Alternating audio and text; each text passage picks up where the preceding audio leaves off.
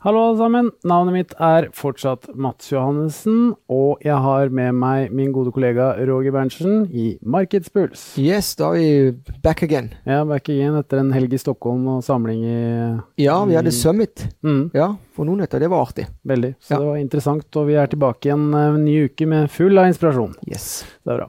I dag Roger, så skal vi snakke litt om eh, fredagens tall, non-farm payrolls, arbeidsmarkedsledighetstallene. Månedens viktigste tall for mange. Stemmer, stemmer. Som alltid kommer fredagen, siste fredagen i hver måned. Første fredag hver måned. Første fredag hver måned. ja. Det er herlig, det er herlig å kunne komme Ja, med ja. noen sånn en eh, Ja, det var Detaljer. Det var en tøff helg, som du sier. Uh, og så skal vi snakke litt om luksusmarkedet, som merker rentehevningene. Uh, og vi har flere indikatorer på det som skrives om i mediene, så vi skal ta litt grann om det i dag.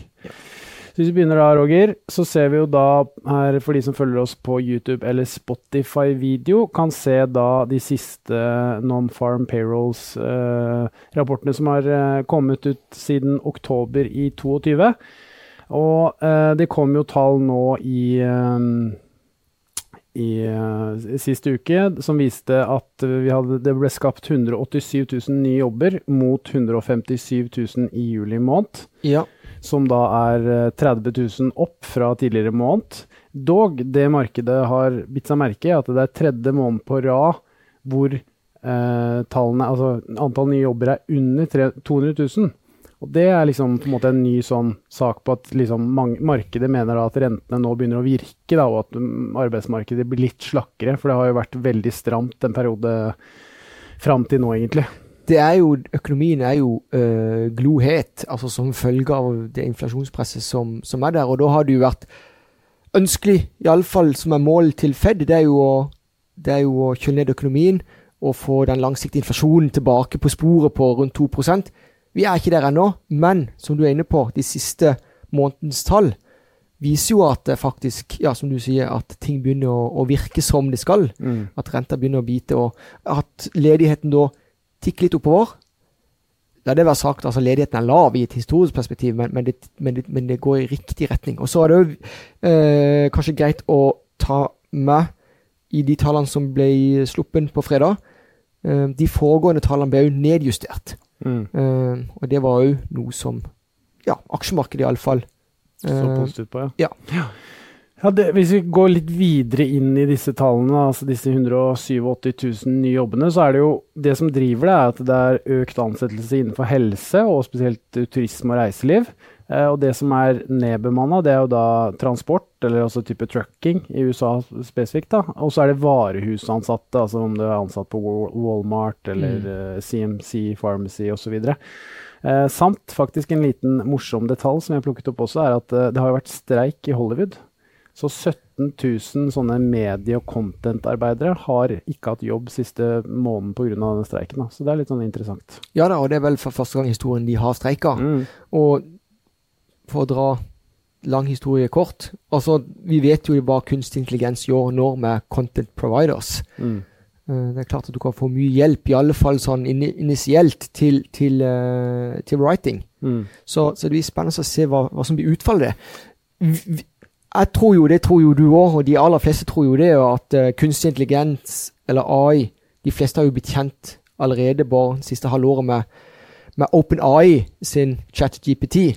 Eh, og hvilken sånn produktivitetsøkning det er i utrolig mange ledd i samfunnet. Mm. Og ikke minst når det kommer på writing. Ja, og så kanskje alle disse som streika. Én ting er disse skuespillerne, det er jo ingen som syns synd på, men det er vel mer disse content providerne, altså de som lager content, altså tekstforfattere, eh, sånne Mm. videografer Mm. og sånn som driver med multimedia. Der også er jo noe AI sannsynligvis går rett i strupen på, da, i forhold til det hvis du er en UX-designer eller skriver content eller hva det skulle være, da. Og her driver vi og s- snakker om det, men hvem vet om et år til, Mats? Ja da, ja da, da. Men det er i hvert fall interessant. Vi fikk jo mye in info om det. Vi hadde jo en professor fra MIT som holdt foredrag for oss på Nordnett i helgen, og han Mm. snakket jo også om dette her, så det var veldig, veldig interessant.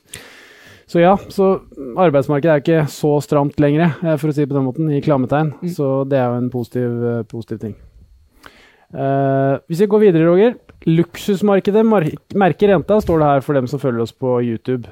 Og Uh, uh, ja, og de som følger oss på YouTube, de um, ser jo da at de har flere bilder her. Det er bl.a. Uh, bilde av en Audi E-tron som har falt over 200 000 kroner i pris på et år.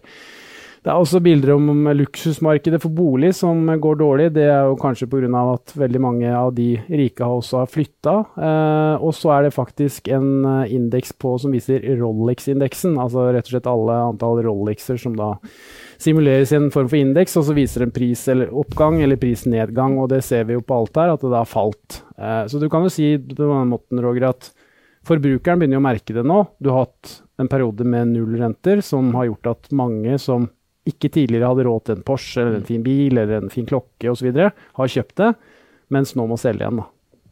Ja da, og det er jo klart at det er jo et tegn i tiden. Altså, Det viktigste, iallfall hvis vi prøver som å bidra med noe, noe læring, og noen, noen, noen punkter kan bite merke i, det er jo det at uh, prisen på penger, det er jo renta. Mm.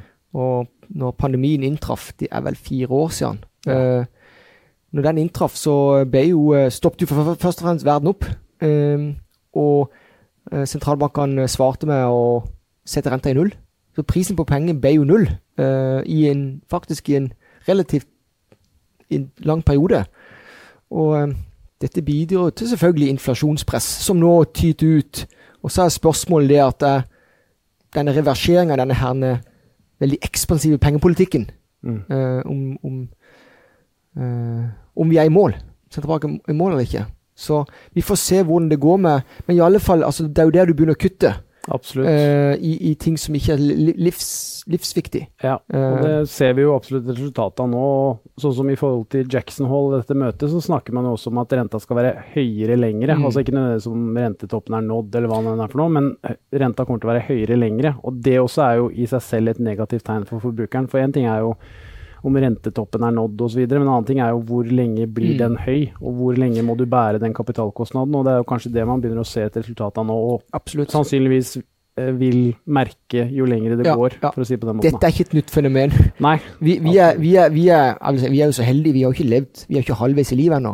Men, Håper ikke men, men, men, Jo, men altså, hvis du tenker altså, du, du kan gå tiår etter tiår tiår tilbake. Vi finner sånne lignende perioder i, i, historien. Absolutt. Og, og, da er det viktig å bruke det som, som læring, rett og slett. Men mm. til syvende og sist skal du være investor og oppnå suksess som investor. Så er du nødt til å tenke langsiktig. Mm. Så må du nødt til å har det vi kaller for margin of safety. Et begrep, et begrep eh, som, som, ble funnet opp av eh, Buffett sin læremester Benjamin Graham. Um, et, et som, ja.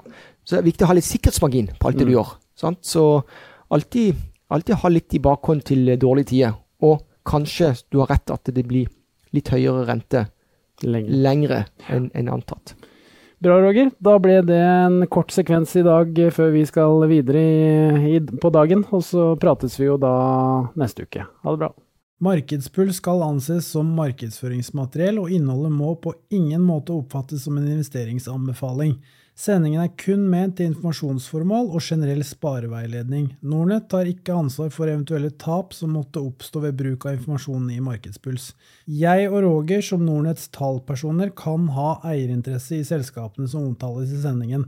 Dere kan til enhver tid se våre innehav av aksjer, obligasjoner og andre derivater på Shareville, der kallenavnet er Mats Nordnett eller Bull Berntsen.